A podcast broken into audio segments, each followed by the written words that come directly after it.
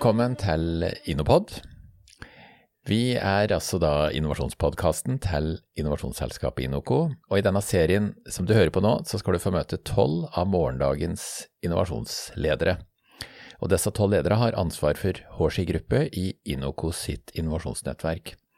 Og det nettverket er 168 innovatører, og vi har lagt ut på ei spennende reise i 2021. Og i dag så ønsker vi velkommen til lederen for digitaliseringsgruppa, Astrid Svarva fra NTE. Velkommen, Astrid. Takk for det, Asher. Takk for det. Du er konserndirektør for teknologi og digitalisering, ikke sant? Ja, det stemmer. Det var en, det var en tung tittel. Ja, det, det er en flott tittel. ja. Det handler nok mer om eh, hva jeg gjør i praksis, tenker jeg, enn akkurat uh, tittelen. Ja. Eh, du, eh, sånn aller først har jeg lyst til å eh, sende deg tilbake til eh, barndommen, og så, og så høre litt hvordan ser ja, livslinja høres litt rart ut. Hvordan, hvordan ser livet ditt ut? Hva, hva, har du vært gjennom og, og fram mot innovatør i dag? Ja, det var et eh, stort spørsmål, men jeg, jeg kan eh, starte litt på starten her. Ta litt om min reise, da. Ja. Fra barndommen av så er jeg oppvokst på en gård nord i Trøndelag med tre eldre brødre. Og jeg tror nok den type oppvekst har forma meg en god del. En landlig oppvekst er jo på en måte en god barnlig innovasjonsarena. Ja. Hvor, hvor i Trøndelag kommer du fra? Eh, en eh, lita bygd som heter Joddølen, litt nord for eh, Steinkjer. Ok, ja.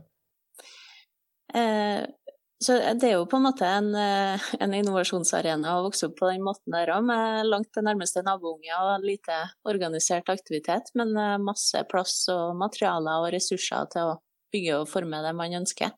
Så du kan alt om barnearbeid siden du har vokst opp på gård, altså? ja, vi kan nok litt, litt om barnearbeid på den ja. positive måten. Ja. Uh, og så tror jeg nok at uh, den oppveksten med å vokse opp sånn der med tre eldre brødre, og man får litt, uh, litt bein i nesa av det. Så du er lillesøster? Ja, lillesøster. Ja. Var det fint, eller? Ja, veldig, veldig fint det. Jeg har hatt en veldig aktiv barndom, da, naturlig nok. Og ja, vært blitt godt passa på og utfordra i barndommen. Ja, var gutta var de beskyttende og Eh, flinke til å ta vare på deg som lillesøster? Ja, de eh, fant nok ofte på veldig mye sprell, da. Veldig mye gøye aktiviteter og ja, bygge hinderbane i skogen og litt sånne ting. Og som lillesøster så må du dulte litt med og prøve å henge på gutta. Ja. Så, så, det har nok vært eh, litt den, kanskje litt beskyttende, men mest litt plagsom lillesøster som skal henge på og være med på leken. Ja, det er, det er, noe med det. Det er nok en del som har opplevd det. Sånn, vi vil ikke ha med deg, for du er ikke rask nok. Ja, ja. Eh, så det, det, var jo egentlig barndommen, da. Eh, og så har jeg jo gått gjennom eh, linja med, med, skole og den biten der. Og så starta jeg senere på sivilingeniørgrad innen energi og miljø. Ja, eh, jeg så det du gikk på NTNU? Ja, jeg gikk på NTNU. Eh, så jeg starta der, og det, var nok litt tilfeldig at jeg starta akkurat på, på, energi og miljø, eller en sivilingeniørgrad for den del, men jeg hadde en stor interesse tidlig for naturvitenskap og fysikk og måten ting henger sammen på. Litt sånn skru opp og, og finne ut hvordan ting fungerer. Samtidig som det med miljøvern og fornybar energi alltid har eh, vært, vært et interesseområde. Ja, du, så, så, du er, for å si det litt billig, du er det vi kaller elektroingeniør, er det riktig å si det? Eh, elkraftingeniør ville nok ha vært eh, tittelen eh, tidligere. Elkraft, ja. ja. Ja, elkraft. Ja, da er det en gammel NTH-er som spør. ja, ja, ja, da ville jeg kalt det elkraft med, med ja, sterkstrøm, tror jeg det ble kalt. Ja, det er, litt, det er skikkelig macho. Ja, det, det, er jo egentlig det. Ja, det er det. Energi. Det er bare Energi og miljø er litt eh, mykere. Det er bare maskin som er mer macho enn uh, ja. en det. Nå er, jeg gikk på maskin, da, så klart. Ja, ja, ja, det gjør du. Uh, så etter jeg var ferdig der, så jobba jeg noen år, sju år i konsulentbransjen med programvare og energi. Ja, hvilket firma var det? Uh, det som da het Povel, nå heter det Volue. Ja, riktig. Ja, Og det var i Trondheim det, da, eller? Ja, i Ja. Trondheim, ja. Så mye varierte arbeidsoppgaver, da. Mye konsulentaktivitet. Etter hvert mye prosjektledelse. Holdt en del kurs, konferanser. Teknisk salg og som avdelingsleder et par år på slutten der. Så det var veldig variert. Eh, og det, det jeg tror jeg vil trekke fram der, er nok den tida med teknisk salg, da, eller salg, som har forma meg en god del. Ja. Eh, Det var nok det siste jeg trodde jeg skulle begynne å jobbe med når jeg var ferdig med å studere, men eh, salg er er mer enn å selge støvsugere. Ja, det er det. Salg er, en, eh, er, er et eget fagfelt, det. Det er det. Så det var jo ofte raske avgjørelser og hektiske dager og mye tid utenfor komfortsonen og reising rundt omkring i Norden og internasjonalt. Ja. Så der jeg har jeg vært med på alt fra tåregassangrep på Taksimplassen i Istanbul til ja, fantastiske naturopplevelser rundt, rundt vannkraftanleggene på Island og kursing i vannkraft i Myanmar. Så veldig variert der. Yes. Ja, så kult, da. Og en sånn jobb, det valgte du å forlate. Ja, eh, jeg kjente at jeg ville kanskje være litt mer eh, hands on fysikken i eh, kraftsystemet. Så i 2018 så starta jeg med forretningsutvikling i eh, NT, som driver med fornybar energi og telekom. Da.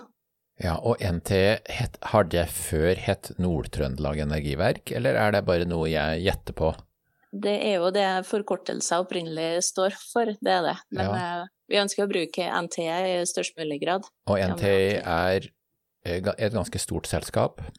Ja, et ganske stort selskap. Vi har omkring 500 ansatte. Vi er vel Norges eh, sjuende-åttende største kraftprodusent. eller er. En Ganske stor telekomaktør i Norge gjennom Altibox-alliansen. Ja. Og en av de største i Trøndelag på elektroinstallasjoner. Da.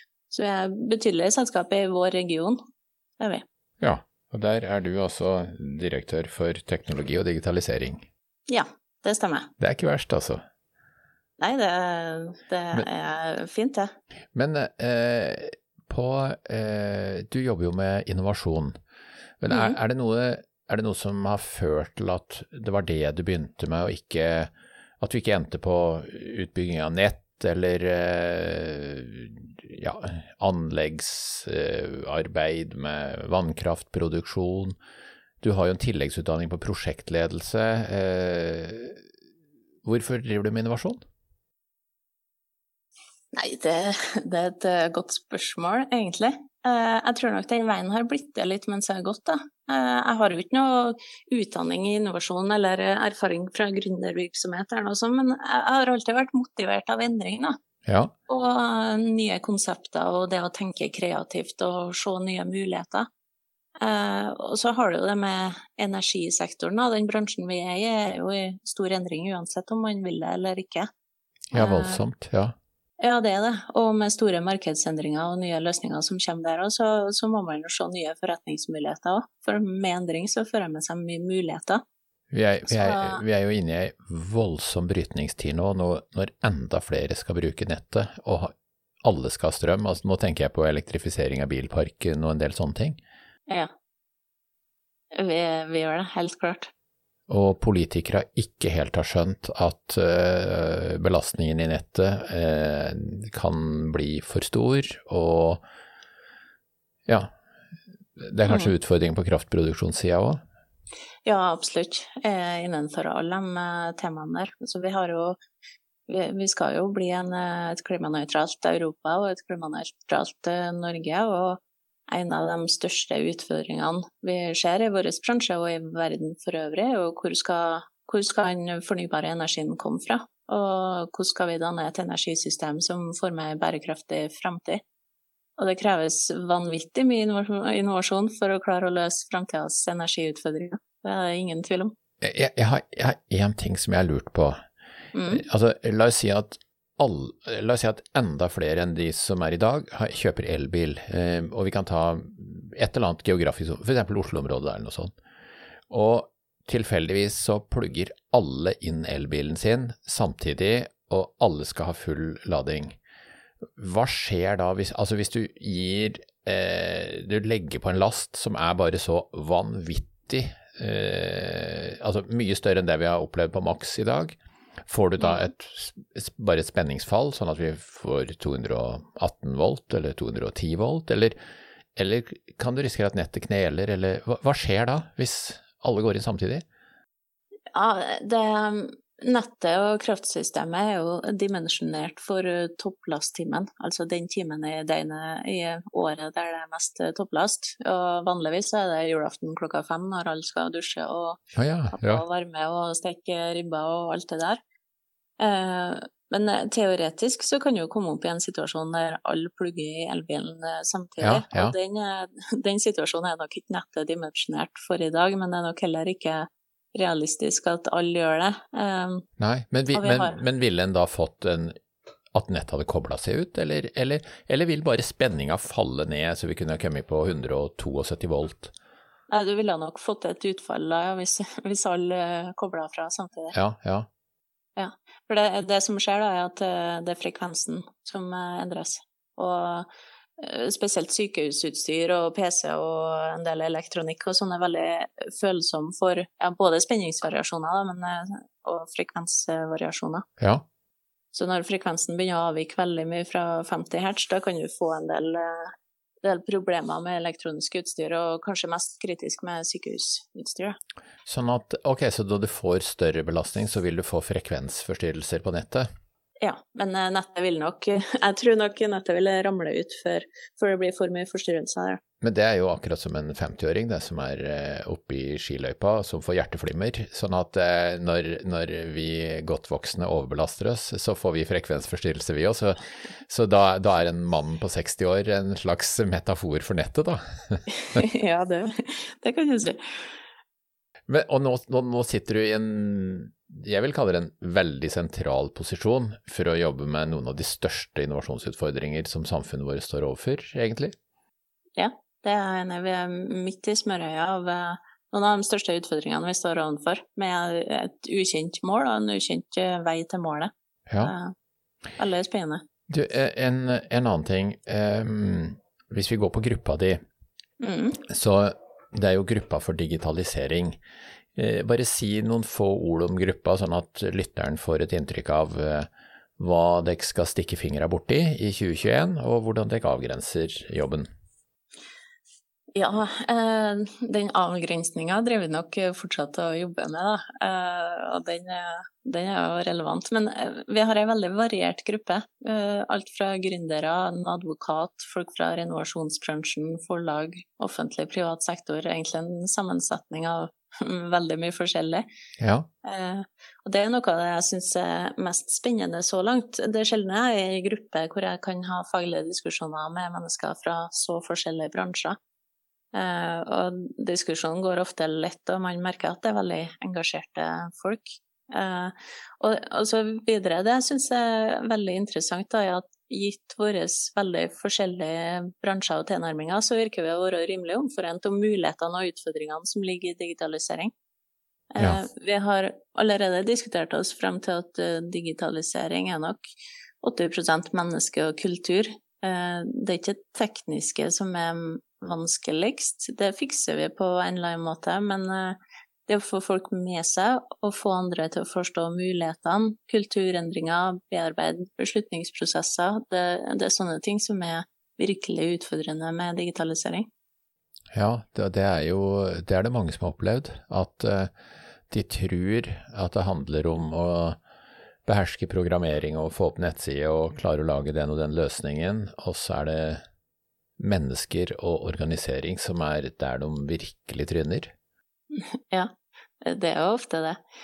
Og ja, nå driver vi og leter egentlig etter en definisjon på digitalisering eh, som vi kan jobbe ut fra. Ja. For det, det er jo litt greit å være enige om utgangspunktet vi har og skal jobbe ut fra. Eh, ja. For digitalisering er jo egentlig et tema som betyr alt og ingenting. Ja, ja, det er jo det. Og det er jo, en, det er jo en forlengelse av den industrielle revolusjonen. Altså hvor tidligere maskinene tok over manuelt arbeid, så tar nå datamaskinene over for manuelt arbeid, blant annet. Mm. gjør det. Vi skal, vi skal, jobbe litt i mindre grupper nå, da, for å jobbe oss litt fram til hva mener vi digitalisering egentlig er og består av. For vi er i alle fall enige om at det, det er mye mer enn å sette strøm på papiret. Ja. E, e, en annen ting som kan være greit å få med, det er jo at for den eh, av lyttere da, som er med i nettverket, så er det mulig å komme på besøk i de andre gruppene. Ja. Det er det. Så vi, vi tar gjerne imot eh, gjestedeltakere, vi. Det er bare å ta kontakt. Så hvis man er interessert i digitalisering, eller bare vil bli kjent med gruppa, så gi meg et hint, og så fikser vi det. Ja. Nei, men Det er fint, for det da, da, nettverket her er jo både for å utvide sitt eget nettverk, eh, mm og, og, også for å lære. Så det er jo både, akkurat som du sier at digitalisering er 20 eh, teknologi og 80% menneskeorganisering, så er nettverket her er også eh, teknologi, eller læring, eh, for å si det sånn, og nettverk. Mm. Mm. Så, du, helt, eh, Astrid, helt avslutningsvis, er det noe eh, tips eller råd eller vink du vil gi til lytteren?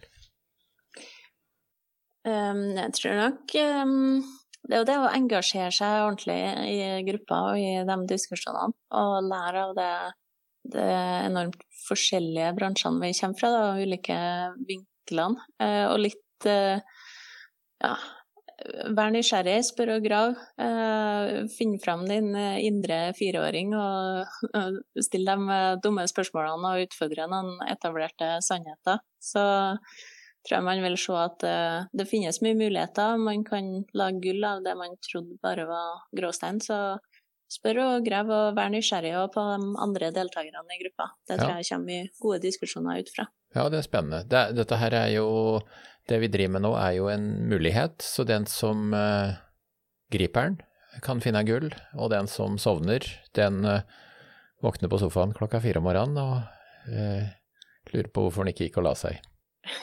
ja. ok. Jeg tror vi, jeg tror vi avslutter der, Astrid. Ja. Og til uh, Så tusen takk for at du kunne delta. Og til uh, deg som har hørt på oss, hjertelig takk for at du hørte på oss. Vi er altså da innovasjonspodkasten til innovasjonsselskapet Inoco, og med meg i studio i dag så hadde jeg Astrid Svarva, som er konserndirektør for teknologi og utvikling i energiselskapet NTE. Lydmann var Peter Strøm, og jeg heter Sjur Dagestad. Velkommen tilbake skal du være. Ha det godt.